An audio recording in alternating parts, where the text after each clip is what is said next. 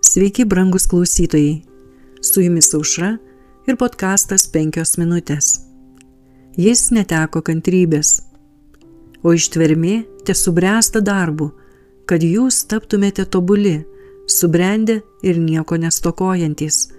Jokūbo laiško pirmos skyriaus ketvirta eilutė. Nežiūrint į tai, kad Mozė buvo pats nuolankiausias žmogus kada nors gyvenęs žemėje, vieną kartą jis užsitraukė Dievo nemalonę. Nepelnyti priekaištai, išsakyti jam privertė akimirkai užsimiršti, kad murmėjimas buvo ne prieš jį, o prieš Dievą. Vietoje to, kad nuliūstų, kai buvo įžeista Dievo dvasia, jis pats susinervino, įsižeidė ir nekantriai savo iniciatyvą sudavė du kartus į uolą sakydamas, klausykitės jūs, maištininkai, ar išgausime jums vandens iš šios olos, skaičių 20 skyriaus 10 eilutė. Žmonėms jis parodė didelį silpnumą.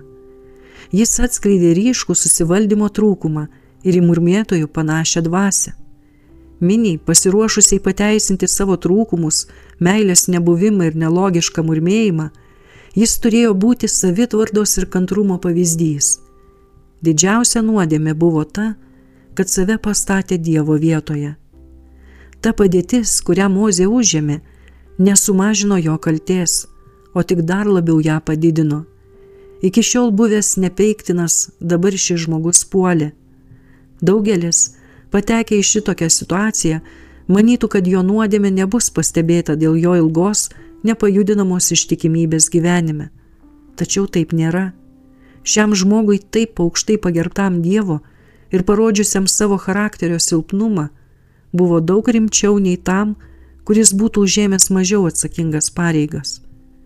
Mozė buvo Kristaus atstovas, tačiau dabar šis atvaizdas buvo iškreiptas. Mozė nusidėjo ir viso jo praėjusio gyvenimo ištikimybė negalėjo atpirkti padarytos nuodėmės. Mozė ir Aaronas turės mirti neįžengę į Kananą, patirdami tą pačią bausmę, kokia skirta tiems, kurie užėmė žymiai žemesnės pareigas. Jie nusilenkė su neapsakomu skausmu širdyje, tačiau jų meilė ir pasitikėjimas Dievu nesviravo. Nedaugelis supranta nuodėmės nuodėmingumą.